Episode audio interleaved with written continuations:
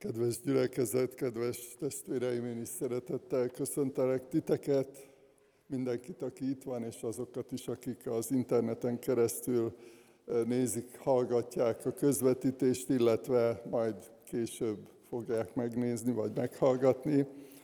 Eh, egy kicsit bibliatanulmányozós lesz a ma délelőtti ige hirdetés, ezért most előtte nem fogok egy hosszabb szakaszt elolvasni a Bibliából, hanem közben fogok sok vagy több Biblia verset olvasni. És hát a témánk az az, hogy, hogy Isten hogyan ad nekünk növekedést abban, hogy a, a láthatatlan valóságot érzékeljük, illetve hogy az határozza meg az életünket. Ne, ne csak a, a mindennapi látható, érzékelhető, tapintható valóság, hanem, hanem a teljesség, amiben benne van a, a láthatatlan valóság is. Azt gondolom, hogy akik kitűztünk egy ilyen célt magunk elé, hogy, hogy szeretnénk jól élni a láthatatlan valóságban, illetve a láthatatlan valósággal jó közösséget, kapcsolatot ápolni. Olyan helyzetben vagyunk, olyan mindennapi dolgokkal találkozunk, hogy egyszerűen ahogy dolgozunk, ahogy megéljük az életet a családban, az emberi kapcsolatainkat, szinte mindenhol és minden pillanatban látható dolgokkal találkozunk. És most itt, ahogy az elején énekeltünk, magasztaltuk az Urat, így többször, ahogy, ahogy felnéztem, azt hittem, hogy áll mellettem valaki közben ez a hangszernek a, a doboza volt, és többször megnéztem, hogy ki lehet az, de tehát, hogy kinyitjuk a szemünket, vagy egy pillanatra körülnézünk, és már na- nagyon sok olyan látható dolog vesz körül minket, amit érzékelünk, ami hatással van ránk, ami elgondolkodtat kérdéseket ébreszt bennünk. És nyilván a hitünkben, az Istennel való közösségünkben kiemelten fontos szerepe van annak, hogy, hogy a láthatatlan valóságot azt megéljük. Tehát erre hívlak most titeket, hogy gondoljuk újra ilyen értelemben is a, a hitünket, próbáljuk meghatározni, vagy próbáljunk megerősödni ennek a meghatározásában, hogy mi a, a láthatatlan valósággal, vagy milyen a láthatatlan valósággal a kapcsolatunk, illetve frissítsük fel újra, és azt gondolom magunknak is jó megfogalmazni, meg hogyha valakivel erről beszélgetünk, akkor jó, ha tudjuk, hogy mit akarunk ezzel kapcsolatban mondani, hiszen úgy gondolom, hogy nagyon sokan találkozunk, találkoztok azzal a kérdéssel, vagy azzal a véleménnyel a mindennapokban is, hogy hiszem, ha látom. Nyilván, hogyha érzékelem, ha megtapinthatom, akkor hiszek. Istenben hívő emberek vagyunk, Istenhez kapcsolódó, Istenhez kötődő, Istennek elkötelezett emberek vagyunk, és János apostol így fogalmazza az első levél negyedik fejezetében, hogy Isten soha senki nem látta. Voltak Isten élményeik, Isten embereinek, de teljes dicsőségében, teljes valóságában azt írja Isten igéje, hogy soha senki nem látta, nem láthatta, nem bírnánk el, nincs olyan képességünk itt Földön élő emberként, hogy a, a teljes valóságát megláthassuk az örökkévaló Istennek. Viszont egy nagyon világos meghatározás van a zsidókhoz írt levében a hittel kapcsolatban. Így fogalmaz az ige, a hit a remélt dolgokban való bizalom és a nem látható dolgok létéről való meggyőződés. Tehát a bizalom, amit megfogalmaz, ami két személy között, két élő, kommunikáló személy között valóságos, a másik pedig a meggyőződés, hogy amit nem látunk és nem érzékelünk, de valóság számunkra, az egy letisztult, megerősödött meggyőződés bennünk, és ezért történhetett az, hogy nagyon sokszor a keresztény üldözések idején semmilyen erőszakkal nem tudták kiverni a tanítványok, a Krisztus tanítványainak a fejéből Istenbe vetett hitüket, vagy azt, hogy Jézus Krisztust követik, vagy a Szentlélek által szolgálnak, munkálkodnak ebben a világban. Semmi nem tudta őket ebből kimozdítani, mert a láthatatlan Istennel volt egy élő és személyes kapcsolatuk, és olyan meggyőződés volt bennük, olyan erős volt a hitük, hogy semmilyen módszerrel nem tudták ezt kiverni a fejükből. Fontos dolog, hogy a, a hitünkben, a, az Istennel való közösségünkben meghatározó a szeretet kapcsolat, erre még később is vissza fogok térni. Így fogalmaz Péter apostol az első levél első fejezetében, őt szeretitek, pedig nem láttátok. Ő benne hisztek, bár most sem látjátok, és kimondhatatlan dicsőült örömmel örvendeztek, mert elértétek hitetek célját, lelketek üdvösségét. Ugye az apostolok, a tizenkét tanítvány, illetve az Úr Jézus követői, akik látták őt személyesen, és hallották az ő tanításait, látták az ő csodatételeit, a messiási jeleket, ők személyesen találkozhattak Jézus Krisztussal, látták őt, hallották őt, akár akkor, ha beszélt, akkor is, hogyha egy viharos tengeren megjelent. Tehát sokféle élethelyzetben találkoztak vele, látták őt.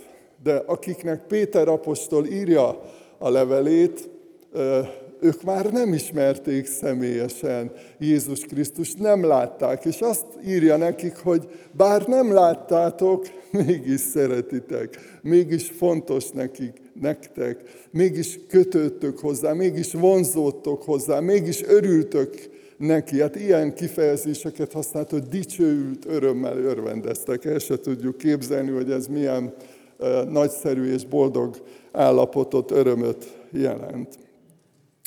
Az Istennel való közösségünkben meghatározó a szeretet kapcsolat.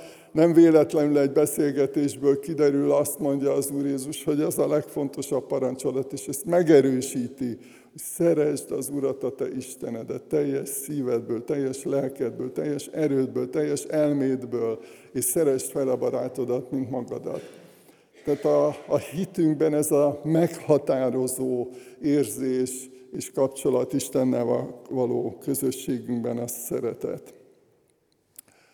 Ebből a szeretet közösségből döntések fakadnak, és tulajdonképpen a tanítványság mindig azt jelentette, mióta a világ, világ mióta a Krisztus követői létezünk és vagyunk ebben a, a világban, mindig azt jelentette, hogy olyan emberek alkotják ezt a közösséget, akik hoztak egy döntést, egy pillanatban, egy meghatározó pillanatban eldöntötték, hogy engedelmeskednek Istennek, hogy válaszolnak Jézus Krisztus hívására, hogy elindulnak az Úr Jézus Krisztus követésére.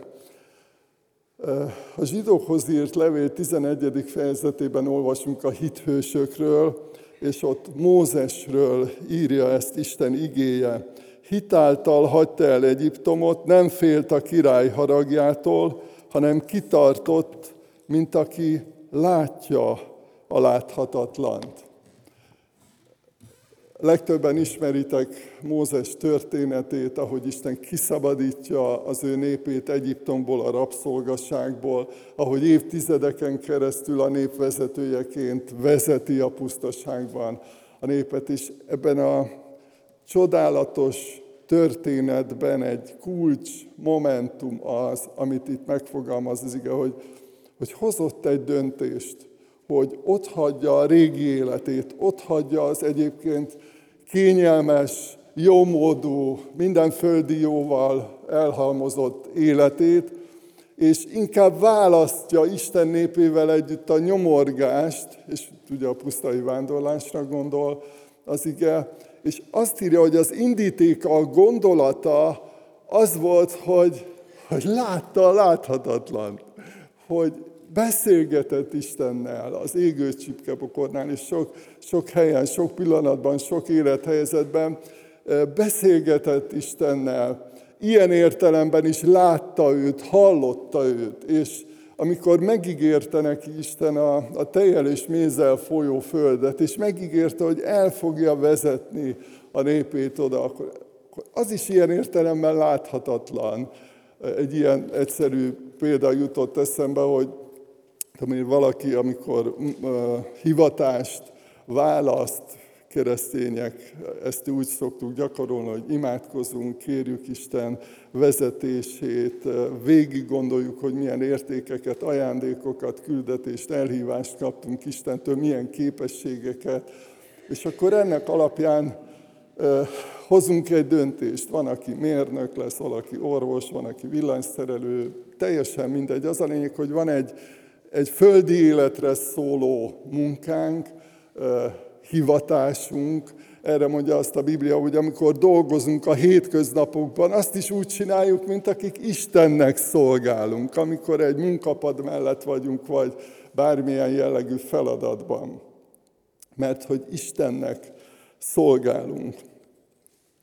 És Mózes, ja, az jutott eszembe, hogy, hogy például amikor valaki elkezd egy iskolát, akár egy egyetemet, akkor szinte látja magát, amint már végzi a feladatát, akár munkavégzés, akár más jellegű, és amikor tanul, amikor készül erre a munkára, erre a feladatra, erre a szolgálatra, már akkor így szinte elképzeli magát. Tehát van egy láthatatlan jövő, vagy egy még érzékelhetetlen jövő, vagy valóság, de hogy az hatással van rá, hogy most hogy osztom be az időmet, most milyen döntéseket hozok, tehát vezeti az, az a láthatatlan. Így volt Mózes, hogy látta a láthatatlant, és ez határozta meg a döntéseit, a szolgálatát. Hogyan határozza meg ez a hit, a láthatatlanba vetett hit a gondolkozásunkat és a mindennapi életünket, a viselkedésünket. Pál azt írja, hitben járunk, nem látásban. Tehát nem csak az számít, amit látunk, nem csak az számít, amit hallunk a fülünkkel, az a zaj, vagy beszéd, vagy bármi, ami eljut hozzánk, vagy, vagy információ, hanem ezen túl, és ezzel együtt nekünk az is fontos, sőt, az még fontosabb, hogy hogy ki a mi Istenünk, hogy ki ő valójában, hogy ő mit gondol, hogy ő mit tervez, és hála Istennek a Szentírásban nagyon sok olyan világos üzenet van, hogy, hogy mit gondol Isten, és mit akar velünk, mit tervez velünk, mit szeretne, hogy szeretne látni minket, mert neki is van egy ilyen ének, amiben erről énekelünk, hogy, hogy Istennek is van egy álma. Ez vele kapcsolatban egy picit így furcsa, de de érdekes, hogy, hogy hogy szeretne minket látni, milyennek szeretne látni, hogy hogy éljük meg a családi életet, a házasságot, a gyerekeinkkel való kapcsolatot, a munkahelyen hogy éljük meg azt, hogy tanítványok hogy Van egy álma Istennek. Nem csak az határozza meg a gondolkozásunkat, amit látunk, hanem a láthatatlan valóság, és, és ez azt jelenti, hogy számolunk a teljes valósággal, a mindennapi életben a, a tetteinknek a következményeivel is. Tehát na, nagyon érdekes, hogy nem, nem mindig, főleg, hogyha ilyen ösztönösen cselekszünk, vagy hozunk döntéseket, nem mindig gondolunk arra, hogy ez hova vezet hogy amit még nem látunk, ennek milyen következményei lesznek. És az ószövetségi profétáknak ez egy hatalmas kihívás volt, és óriási teher néha hogy megmondták, az Úr szólt, és azt mondta, hogy ha így folytatjátok, akkor pusztulás lesz a vége, fogság lesz a vége, tragédia lesz, nemzeti tragédia lesz a vége, ha nem tértek meg, ha nem az Isten igéje, az Isten üzenete, az Isten gondolatai szerint éltek, hogy, hogyha ezen az úton hallattak, ők nem látták, az emberek sokszor nem érzékelték, sokszor a vezetők, az uralkodók se érzékelték, hogy hova vezet az az út, ami Isten nélkül történik, vagy amin Isten nélkül járnak. Milyen gyümölcsei, eredményei vannak annak, hogyha ha számolunk a láthatatlan valósággal. Tamás, aki először hitetlenkedve fogadta azt a hírt, hogy az Úr Jézus feltámadt, aztán beszélget Jézussal, az Úr Jézus vele is türelmes volt, következetes volt, támogató volt az ő hozzáállása Tamáshoz, és Tamásnak ezt mondta az Úr Jézus, mivel látsz engem, hiszel. Boldogok, akik nem látnak és hisznek. Tehát amikor az Isten igéjére, az Isten üzenetére, az Istennel való közösségből fakadó erőforrásokra gondolunk, akkor azt mondja az Úr Jézus, hogy boldogok vagyunk, mert ő megígérte és megtartja, amit mondott. Békesség, öröm, kiegyensúlyozottság, olyan értékek, olyan valóság, olyan boldogság van az ember szívében, amit a mindennapokban megélhetünk, akkor is, ha vannak bajaink, problémáink, küzdelmeink, kísértéseink, nyomorúságaink. Tehát boldogság. A másik, amire bevezetőben utaltam, hogy a hit az tulajdonképpen bizalom, hogy van egy olyan bizalmas, nem bizalmas kodó, hanem bizalmas, őszinte kapcsolatunk az örökkévaló Istennel. Szintén János apostol írja, hogy abban lett teljessé a szeretet közöttünk, hogy bizalommal tekinthetünk az ítélet napja felé, mert ahogy ő van, úgy vagyunk mi is ebben a világban. A szeretetben nincs félelem, sőt a teljes szeretet kiűzi a félelmet, mert a félelem gyötrelemmel jár, aki pedig fél, nem lett tökéletessé a szeretetben. Mi tehát azért szeretünk, mert ő előbb szeretett minket. Azt írja János apostol, hogy ha ha hiszel a láthatatlan örökkévaló Istenben, az ő fiában, a Szentlélekben, a teljes, valóságos Istenben, akkor bizalommal tekintetsz az ítélet napja felé. Ez elképesztő, nem? Tehát nem kell félned a, a jövőtől, nem kell félned az ítélet napjától, a, a számonkéréstől. Miért? Mert hogy megtértünk. Isten megkönyörült rajtunk, megtisztított minket. Nem azért, mert soha nem követtünk el semmi hibát vagy bűnt, azért, mert elfogadott Isten, megkönyörült rajtunk. Elképesztő, gondoljuk végig hálásan ezt, hogy nem kell félnünk az ítélet napjától. Ez az isteni ajándék és a láthatatlan valóságba vetett hit eredménye. Támasz a kísértések idején így fogalmaz szintén János Apostol, hogy a, világosságban járunk. Ugye, és a világosság bizonyos értelemben a teljességet is jelenti, tehát a világosságban benne van a láthatatlan valóság. Éppen ez a gond ma, hogy nagyon sok ember úgy éli meg a, a mindennapi életét, hogy nem számol Istennel. Nem gondol a láthatatlan Istenre, nem gondol arra, hogy nem véletlenül születtünk ebbe a világba, hogy Isten mindent lát és Isten mindent értékel, ráadásul jól értékel, elfogulatlanul, a teljesség, a tökéletesség figyelembevételével. Isten szeretetteljes figyelme, ahogy követ minket, benne van a láthatatlan világban. Nem, nem úgy éljük meg ezt, hogy minden pillanatban minden élethelyzetben, így arra gondolunk, fú, most Isten lát, most Isten néz, most Isten figyel, most akkor mi lesz? Tehát nem egy ilyen beteges függés vagy függőség ez, hanem a, az örömben való kiteljesedés, hogy, hogy a láthatatlan világban az, az Isten szemmel tart és örül, amikor látja, hogy megtisztulok, szolgálok, segítek, mit tegyünk. Reménységgel várjunk. Azt írja Pál a római gyülekezetnek, ha azt reméljük, amit nem látunk, akkor álhatatossággal várjunk. Várjunk reménységgel az Isten akaratának kiteljesedésére. Kettő, éljük meg az ajándékba kapott szeretet közösséget.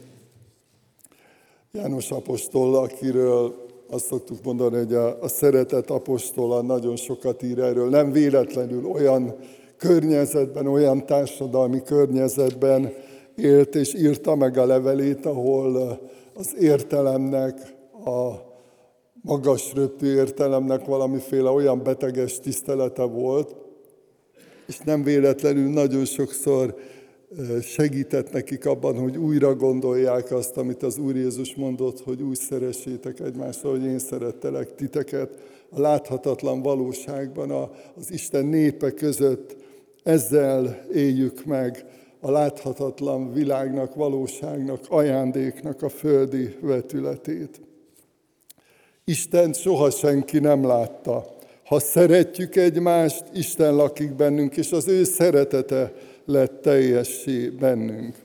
Ha valaki azt mondja, szeretem Istent, a testvérét viszont gyűlöli, az hazug, mert aki nem szereti a testvérét, akit lát, nem szeretheti Istent, akit nem lát. Nem látjuk Istent, de azt írja János, hogy nem, nem szerethetjük őt. Képtelenség, hogyha azokat, akiket ajándékba adott a, a közösségben, azokat nem szeretjük. Következő válasz arra a kérdés, hogy mit tegyünk, gyűjts láthatatlan kincseket. Ezt az Úr Jézus a hegyi beszédben mondta el ezt a tanítást. Ne gyűjtsetek magatoknak kincseket a földön, ahol a molya, a rozsda megemészti, és ahol a tolvajok kiássák és ellopják, hanem gyűjtsetek magatoknak kincseket a mennyben, ahol sem a moly, sem a rozsda nem emészti meg, ahol a tolvajok sem ássák ki és nem lopják el századik Zsoltárban ezt olvasjuk, hogy szolgáljatok az Úrnak örömmel. Ha valakivel beszélgetsz, biztatod, megkérdezed, hogy hogy van, imádkozol érte, imádkozol vele, lehet, hogy senki nem tudja meg, lehet, hogy senki más nem tudja, nem írják föl, nem vezetnek róla a jegyzőkönyvet, hogy most szolgáltál valaki felé. De a láthatatlan Isten tudja és értékeli.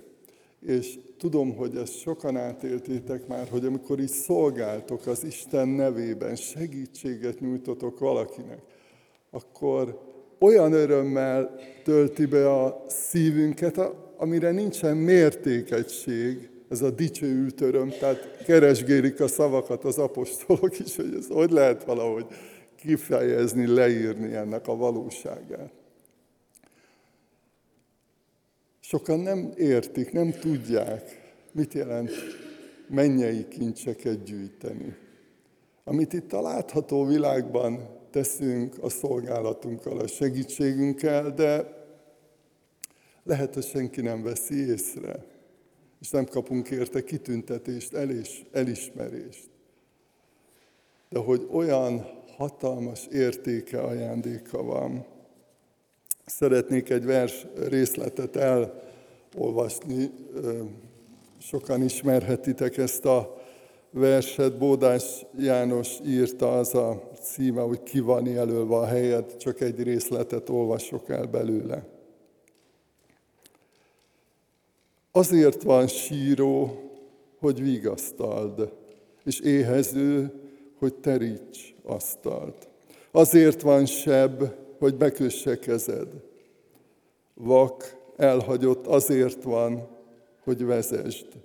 Azért van annyi árva, üldözött, hogy oltalmat lejjen karot között. És végül mit tegyünk, mit csináljunk? Kérdésre a válasz, imádkozzunk. Nagyon elgondolkodtató, most erre nincs időnk, de így biztatlak titeket, hogy ha ez a, a téma foglalkoztat titeket tovább, akkor például akár a zsoltárokat, vagy más imádságokat is érdemes végigolvasni olyan szemmel, olyan figyelmességgel, hogy hogyan kapcsolódtak az imádkozó emberek a, a láthatatlan világhoz, a láthatatlan valósághoz, a láthatatlan Istenhez. 119. Zsoltárban olvassuk. Add, hogy szíve mintelmeidre hajoljon, ne a haszonlesésre. Fordítsd el tekintetemet, hogy ne nézzek hiába valóságra. A te utadon éltes engem. Tehát a Zsoltáros még az imádságban is azt kéri, hogy, hogy Istenem, fordítsd el a tekintetemet. Hogy ne csak azt lássam, vagy ne elsősorban azt lássam, ami körülvesz, ami mellettem van, ami itt van, hanem sokkal többet láthassak. Hogy láthassalak téged, láthassam a te világodat, a te dicsőségedet. És végül egy bizonságtételből egy mondat. Nem tudom, mi van a jövőben, de tudom, hogy a jövő az Úré. És tudom azt is, hogy én az Úrban vagyok. Ezt elolvasom még egyszer. Nem tudom, mi van a jövőben, de tudom, hogy a jövő az Úré, és tudom azt is, hogy én az Úrban vagyok. Amen. Most csendesedjünk el urvacsorai közösségre is készülve, csendben közösen imádkozzunk és adjunk hálát a láthatatlan Istenért, a láthatatlan Úr Jézusért, a láthatatlan Szentlélekért, és mindazért, amit ebből a csodálatos, láthatatlan valóságból ajándékba kaptunk, így a bűnbocsánatot, megváltást is. Csendben, közösen imádkozzunk, hajtsuk meg a fejünket.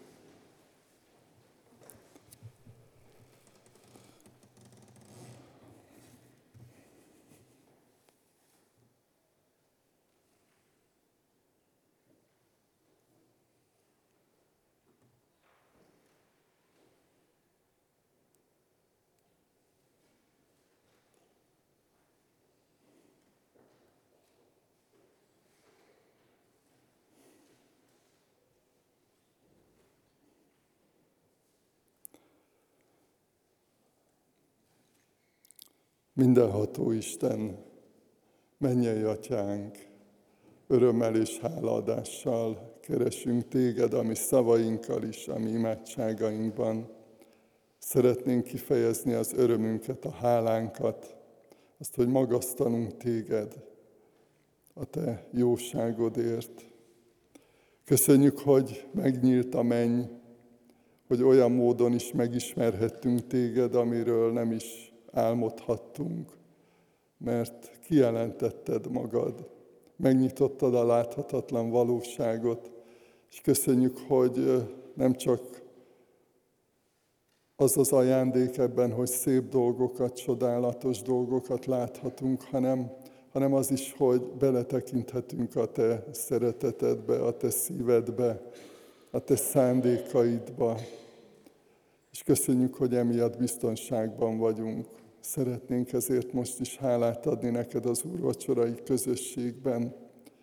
Készíts minket, Urunk, erre, és segíts, hogy ha van olyan bűn, van olyan rossz szokás, vagy bármi, amitől meg kell szabadulnunk, akkor cselekedj most, hogy tényleg a, a te láthatatlan világosságoddal, dicsőségeddel világíts át minket, mutasd meg a valóságot, mutasd meg a Te igazságodat a mi szívünkben, és köszönjük neked, hogy, hogy nem kell úgy maradnunk, ahogyan vagyunk, hanem Te képes vagy megváltoztatni minket, képes vagy betölteni a Te drága lelkeddel, képes vagy megtisztítani, képes vagy új célokat adni nekünk, és szeretnénk átvenni, elfogadni mindazt az ajándékot, kincset, értéket, amit a láthatatlan dicsőségből, valóságból adsz nekünk.